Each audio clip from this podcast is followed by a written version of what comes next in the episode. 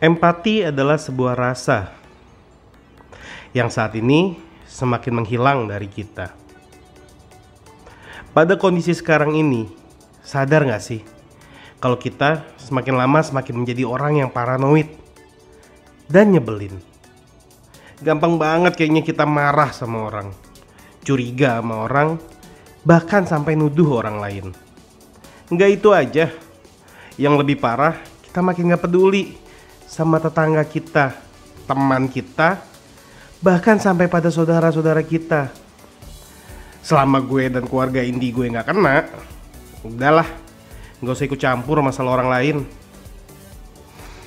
Satu hal yang gue sadar dan mau share ke semua yang ada di sini sekarang, bahwa ternyata pandemi ini menyerang bukan hanya kesehatan dan ekonomi kita, bahkan pandemi ini udah berhasil mengubah karakter dan sifat kita.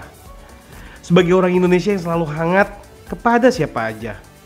Orang Indonesia terkenal dengan kemurahan hatinya dan juga kekeluargaannya. Namun sekarang kita semua menjaga diri kita sendiri-sendiri. Kita lupa akan pentingnya menjaga satu sama lain.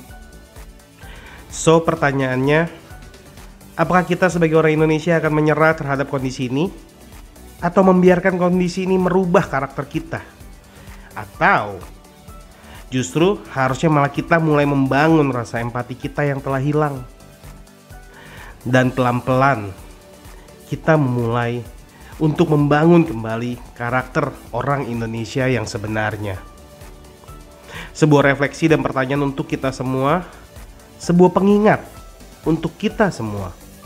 Semoga hari ini bisa menjadi sebuah acuan buat kita untuk kembali menyelamatkan karakter bangsa Indonesia sesungguhnya.